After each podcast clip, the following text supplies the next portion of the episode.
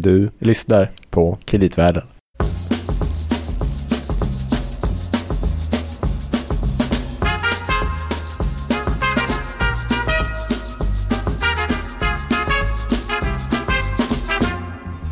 Varmt välkommen du som lyssnar till Kreditvärlden alltså. Det här är den svenska podcasten om kreditmarknaden med Louis Landeman. och Gabriel Bergin. Det stämmer, Louis du är chef för kreditanalysen på Danske Bank Markets. Ja, och Gabriel, du jobbar som kreditanalytiker på Danske Bank Markets. Du är min chef alltså.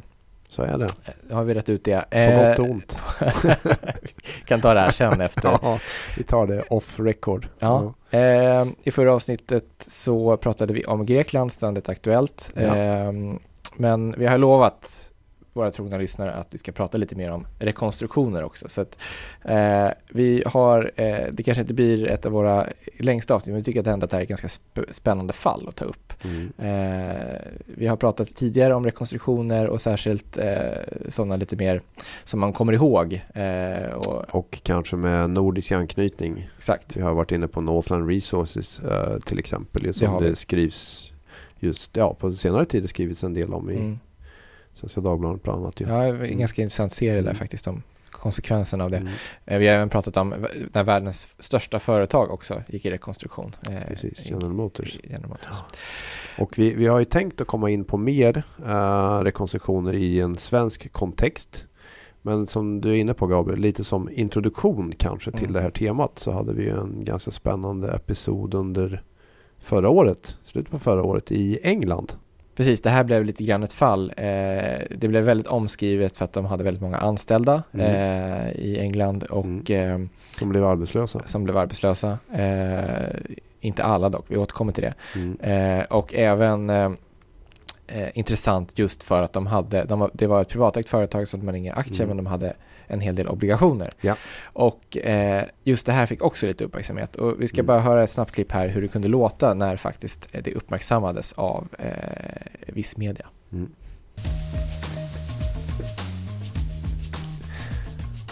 The collapse of Phones for You has shocked customers in the mobile phone retailer and its employees, 2,400 of whom will lose their job. But it's also a blow for the company's bondholders, including some pension funds. These investors lent over 700 million pounds to Phones for You and will be lucky to get much of it back.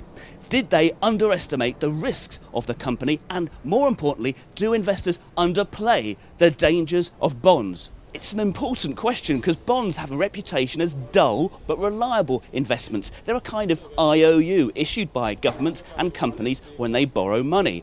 Det här låter ju lite grann som kreditvärden nästan faktiskt. Jag tänkte säga det, det Ja. låter som kreditvärldens utsände i, i England. Det, precis. Ja, ja. Nej, men, eh, vi, det är precis sånt här som vi faktiskt har försökt prata en del om i, Mm. i vår podd och även i, i boken som, som vi skrev förra året.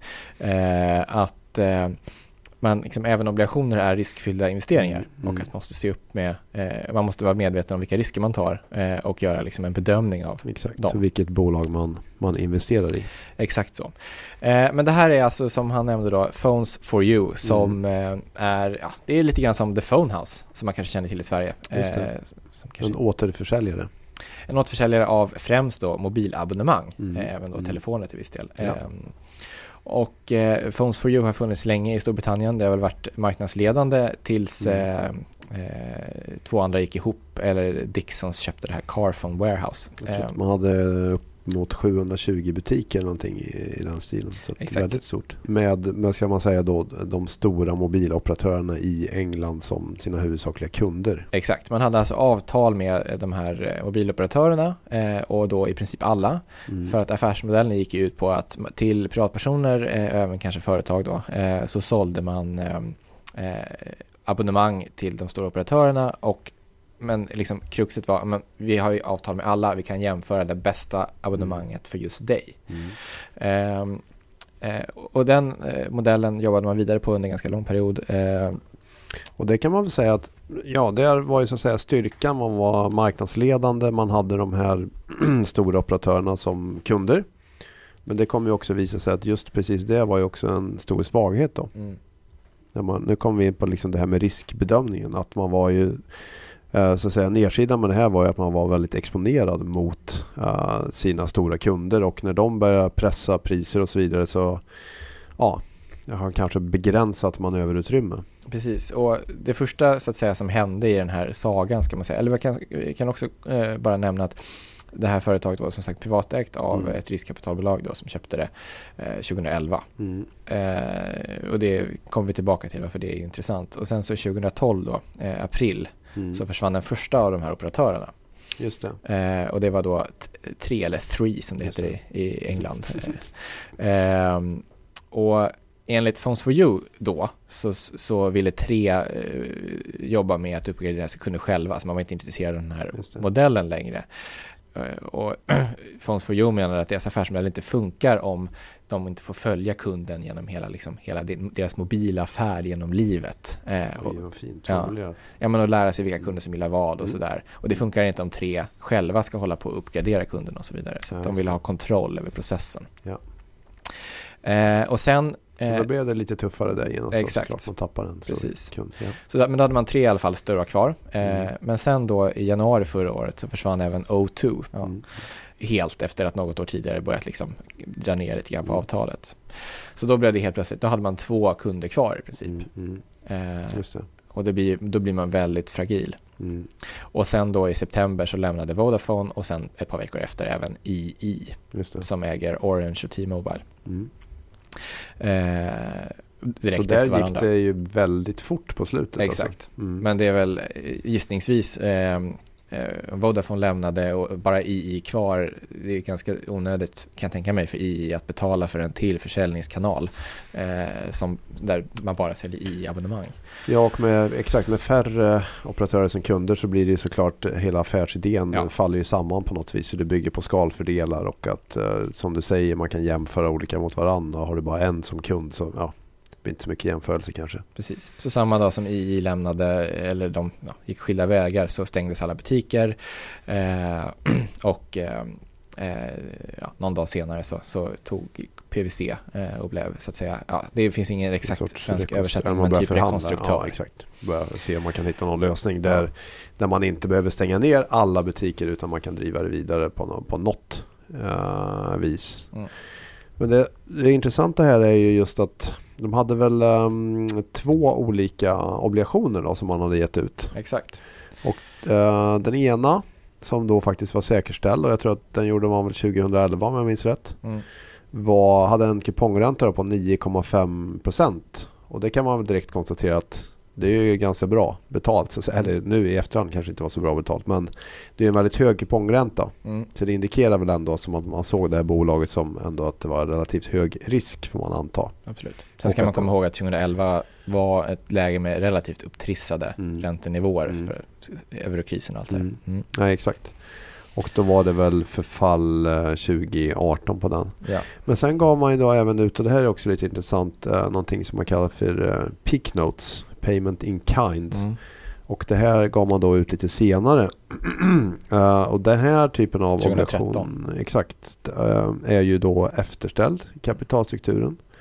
Och är som en form av, eh, ja, ska vi kalla det nollkupongare? Att man betalar ingen ränta under obligationens löptid utan man betalar den vid slutförfall så att säga. Då betalar man tillbaka mer Mm. än, än 100.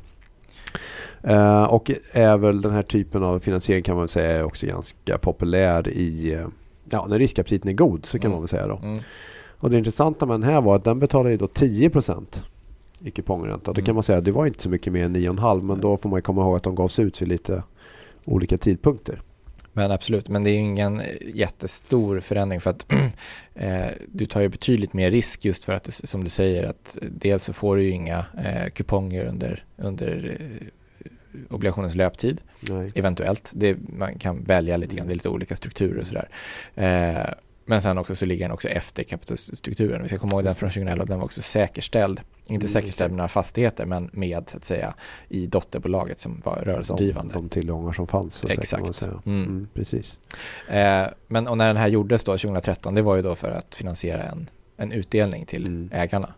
Mm. Eh, Och det var ju i och för sig, alltså det, det stod ju i, eh, i marknadsföringsmaterialet och allting. Det var ju inga konstigheter så egentligen. Alla var medvetna om varför den gjordes och så. Mm, mm. Eh, men då ökade i alla fall skuldbördan en del också. Och, Eh. och det kan väl också sägas att um, nu kanske vi ska komma in med en, med en debatt liksom vems, vems, det blir alltid någon sorts vems fel är vad det Mm. så att säga, när någonting går fel och då är det klart en uh, från ena sidan hävdar man kanske att ja med bolagets höga skuldbörda så hade man svårt att ge konkurrenskraftiga erbjudanden så att Mm. liksom den höga skuldbördan i bolaget var i sig ett problem medan kanske andra s- menar väl på att ja men eh, vi blev helt enkelt, alltså de här operatörerna hade för stor makt och eh, Mm. kunde liksom eh, klämma åt oss lite grann och sen eh, eh, cyniskt liksom köpa de delar av bolaget i den här under rekonstruktionen som man tycker var mest intressanta. Vi kan ju höra, för eh, grundaren av det här bolaget, Mm. eh, John Caldwell, som sen är en lite kändismiljardär i, i England. Mm. Eh, han intervjuades precis efter att eh, eh, man stängde igen. Eh, och eh, han Ja. hade då lämnat bolaget, för han sålde ju då eh, 2011. Just det, just så han var inte längre Ja, kvar. Eh, men då sa han i alla fall det här om det som hade hänt. Mm. Uh, I'm, I'm completely horrified by the level of ruthlessness um, that's been applied to kill phones for you off. I am very, very suspicious that this is a collusionary um, event between the networks to effectively remove the number one competitor in the high street and therefore push up high street prices and therefore worse deal for consumer, better deal for networks. Um, you know, I, I mean, I'm just desperately sad for nearly 6,000 phones for your employees, many of whom have been with the business a long, long time, done a great, great job. Mm, intressant.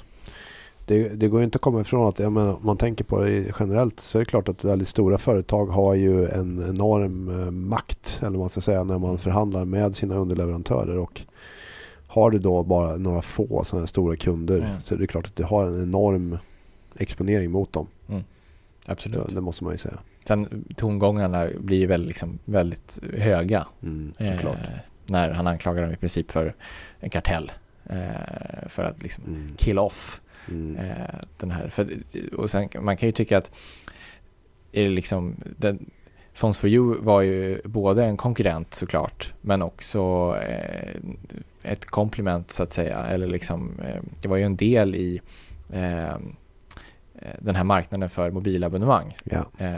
Så att det, det återstår väl att se vad som blir konsekvenserna för mobiloperatörer om det inte finns sådana här återförsäljare, om de Mm. bara ska sk- sköta sin egen marknadsföring. Nej men precis och det kan man också resonera kring att det här kanske är en konsekvens av en förändrad affärsmiljö där man kanske eh, som operatör till exempel kanske känner lite som du var inne på med tre att man vill ha mer kontroll över Mm. kundkontakten själv och vill Mm. liksom inte lämna bort det till någon annan och går man då mot, i ett förändrat synsätt ja det är klart då påverkas ju de som har levt på just den här typen av marknad såklart. Mm. Och sen, absolut. alltså, så, som du säger, du som gammal telekomanalytiker Mhm. eh, vet ju det eh, mer än jag, men det är ju också en bransch i väldigt snabb förändring. Ja. har i och för sig varit hela tiden men det är väldigt tuffa villkor nu och eh, precis nu här för någon vecka sedan så tror jag att det annonserades att det här är EE som äger de det. här varumärkena Orange och eh, T-Mobile eh, eh, ska köpas av BT som är det. för detta brittiska telekombolaget, alltså Just det. som Telia. Nej, det pågår ju en konsolidering i, Exakt. i europeiska telekommarknaden. Så Ja, det. Så de är pressade, liksom, de här Mm. bolagen. Ja, men i alla fall, så att eh, om vi går tillbaka till obligationerna. Just det. Mm. Eh, Hur gick det för dem? ja, exakt. Inte Det är väl... så bra kan man säga. Nej, Jag tror att den här mer seniora obligationen, ehm, ja den har såklart handlats olika över tiden men det var ju väldigt dramatiskt vad gäller priserna där just det här när Vodafone försvann Mm. och där, eh, det var väl i september där då. Mm. Eh, och då tror jag att den här seniora obligationen alltså handlade till ett pris eller Mm. kurs då. Mm. Alltså det är ingen spread utan det är pris på obligationen på jag tror jag, dryga 80 eller mitten på 80 Mm. och föll ner till ungefär 20. Så att uh, Där- enormt uh, prisras Ja, på den. verkligen. Och den här uh, Peak Note Mm. uh, föll ju uh, också någon liknande att den föll från 80-85 till ner i kurs uh, 10-15 eller någonting Mm. i den stilen tror jag. Mm. Och sen efter att är alltså sista beskedet så var den nästan på noll tror jag. Ja, Mm. för att vad som kan hända i ett sånt här fall är ju att de här som då kanske sitter på någon form av säkerhet kan eventuellt, Mm. om man lyckas få någon del av bolaget att leva kvar och kanske säljer en del och så vidare, kan kanske få aktier eller liknande, man skriver om till det och kan då få en, en viss eh, så att säga, utdelning. Mm. Medan de som är längre ner i kapitalstrukturen just kanske inte får någonting. För det är helt enkelt inget kvar till dem. Exakt. Eh, och vi har pratat förut om vad som kan hända i en sån här förhandling och, eh, mellan obligationsägare och, Mm. och, och ägare och, även bolaget. Då. Så, eh, men precis i dagen, veckan efter eh, liksom, konkursbeskedet, Mm. eller vad man ska kalla det, så, eh, så föreslog faktiskt och formade några av de största obligationsinnehavarna av den här säkerställda, lite större obligationen från 2011, en grupp där man då gav ett förslag om, eh, om en omstrukturering där de skulle skriva ner sina fordringar ganska kraftigt. Det fanns liksom ingen siffra offentligt men ganska kraftigt. Eh, och, och då menade de att om de kunde dra ner eh, skulds, eh, skulden Mm. och få lägre räntekostnader då skulle de kunna skapa eh, eh, bättre förhandlingsläge med Vodafone och EE, alltså Ja. bättre prisvillkor. Eh, men då, det, inne, det här innebar också att de skulle få ta över ägandet i bolaget. Mm, mm. En så kallad debt och equity swap som Just du det. nämnde. Mm. Det blev ju ingenting med det. Utan Tyvärr. det som hände Ja. under rekonstruktionen under den här perioden är att eh, Vodafone och EE köpte eh, delar av butiksnätverket, butiksnätet i Phones for You eh, och brandade dem till sina egna butiker. Och där kan man ju då, ja, lite cyniskt kan man ju säga, men de vann ju faktiskt då kanske på den här Mm.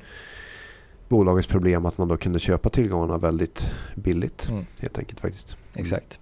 Så att sen, eh, jag tror att jag har sett att eh, Standard Poor's, ratingföretaget, de gör vissa så bedömningar på hur mycket pengar man kan få tillbaka och sånt. Så att jag såg någon bedömning att de räknade på cirka 10-30% att man skulle få tillbaka det på den här säkerställda obligationen. Vilket väl är någonstans där den handlas i dagsläget, om den nu handlas så väldigt mycket, men där Mm. vi kan se indikerade priser i alla fall, så ligger det väl någonstans i det spannet. Mm. Så marknaden verkar Mm. vara överens med det. Så, så det är ju ingen enorm Inte helt fantastiskt. återhämtning så att Nej. säga. Och de här picknotes, de räknar ju med ingenting. Nej.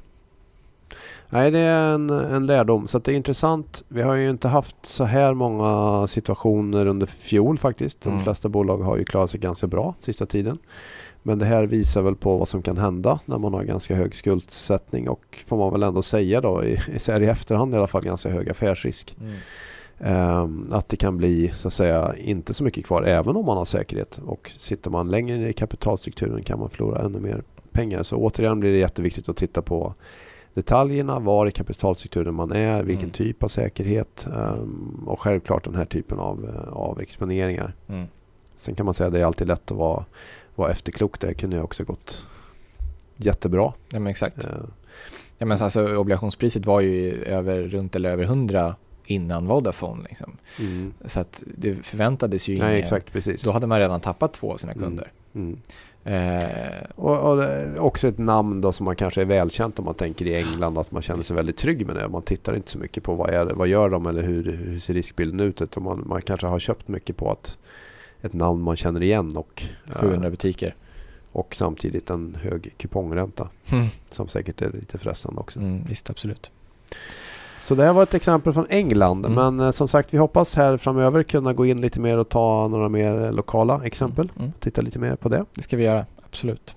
Ehm, Det kanske var allt för idag då Gabriel. jag tror att det, det blir ett lite kortare avsnitt idag, men Mm. eh, Vi får ta det i lagom doser. Vi vill liksom inte skrämma upp er för mycket heller. exakt. vi får kanske blanda in lite andra, lite mer, ja, som inte har med rekonstruktioner. Lite lyckade exempel. Ja, exakt. Roliga, fina ja, obligationer. ja, jag får reda ut det under våren. Ja, det får vi. Det blir bra. Tack för idag i alla fall. Vi finns på eh, Twitter och eh, ni kan mejla om ni vill på brevatkreditvallen.se så hörs vi igen om några veckor. Tack för idag. Hej då! Hej!